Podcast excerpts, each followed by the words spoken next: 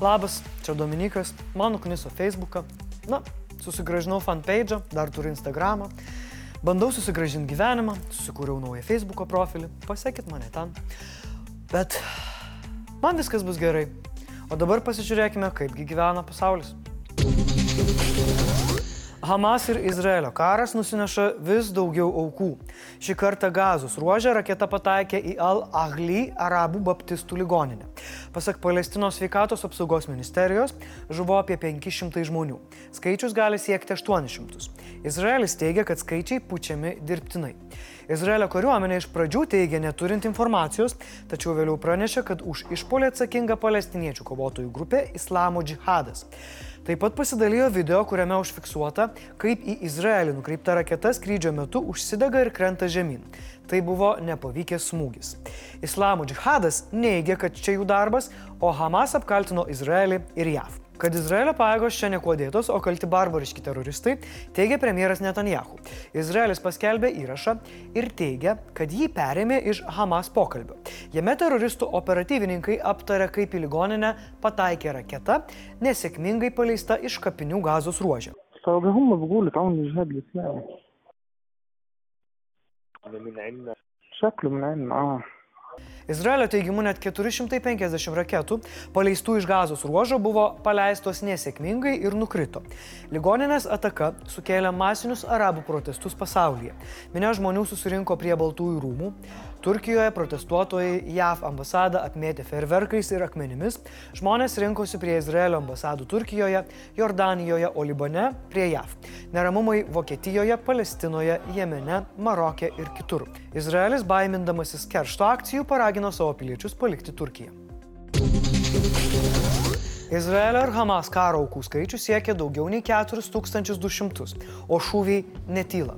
Gazos ruožė dar karaliauja artilerija. Sausumos operacijos Izraelis dar nepradėjo. Izraelio pajėgos vėl atakavo Hezbollah grupuotės pozicijas Libane. Tiesa, Hamas pareiškė, kad viskas gali greitai pasibaigti. Jie neva pasirengė visus civilių įkaitus paleisti per valandą, jei Izraelis sustabdys gazos ruožo bombardavimą. Tik teroristai patys nesnaudžia ir leidžia raketas į Izraelį. Ką tai reiškia, puikiai pajuto Vokietijos kancleris ir jo palyda Tel Avive.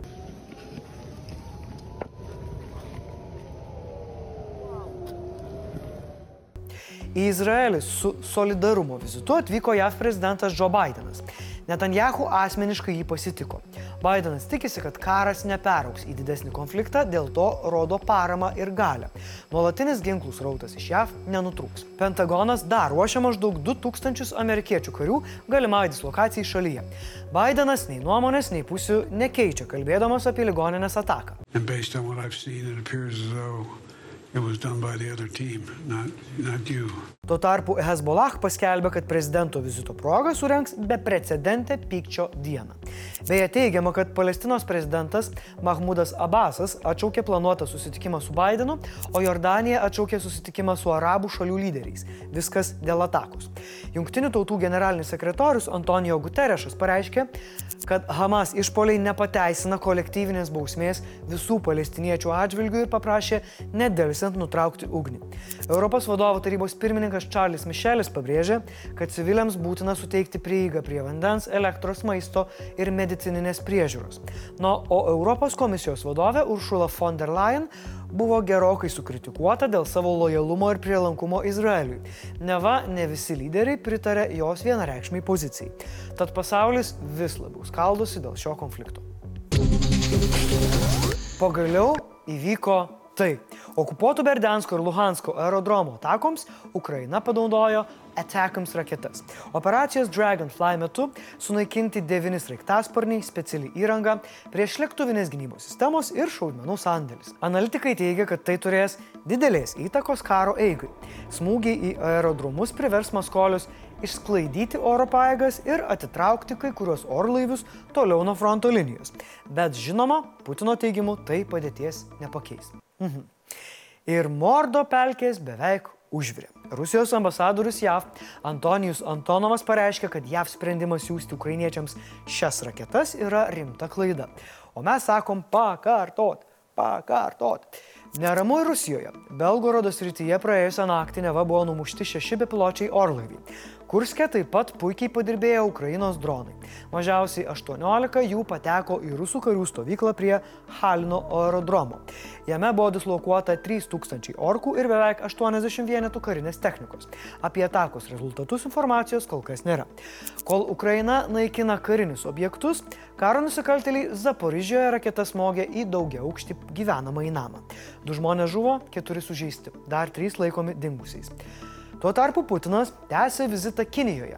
Xi Jinpingas pasidžiaugė stiprėjančią draugystę ir pasitikėjimu.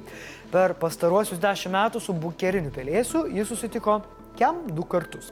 Šiaip, kai tiek abu užsisėdėjo valdžioje, nu tai nieko keisto, kartu paperstus į ranką. Putinas pareiškė, kad Rusija ir Kinija vienyje lygiai verčio abipusio naudingo bendradarbiavimo siekis, kartu gerbent civilinę įvairovę ir kiekvienos valstybės teisę į savo vystimo modelį.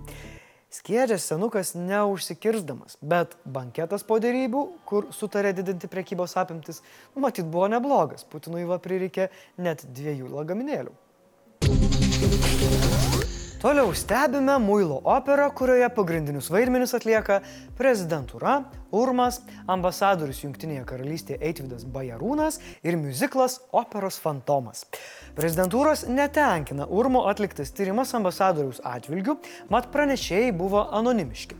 O gavus Bajarūno laišką, prezidentūra kreipėsi į vyriausybę su prašymu atlikti nepriklausomą tarnybinį patikrinimą, ar prieš diplomatą nėra vykdomas psichologinis smurtas.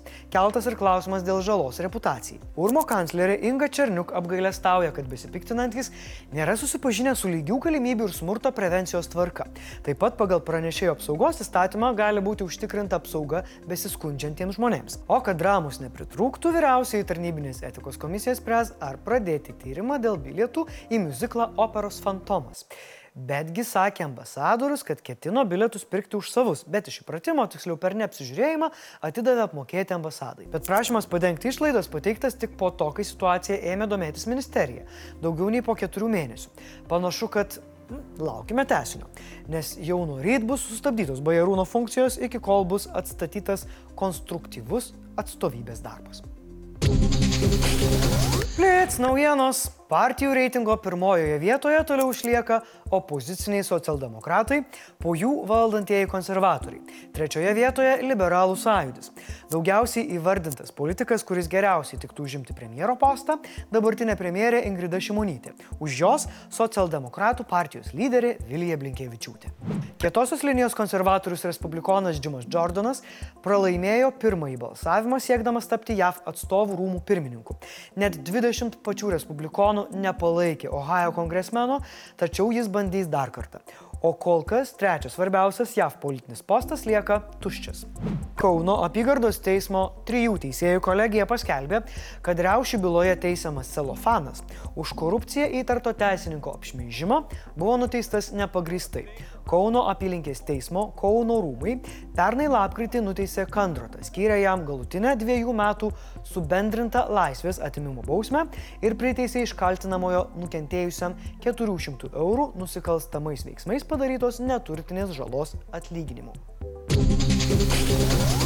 Klausimas šį kartą asmeninis. Ką veikt, kai neturi Facebook'o? Ką jūs veikiat, kai neskrolinat?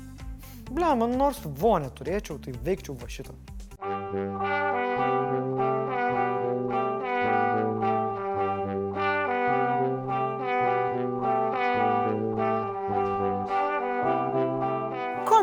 metas. Karoliuks sako, kad į ofisą reikia eiti minimum dvi dienas per savaitę.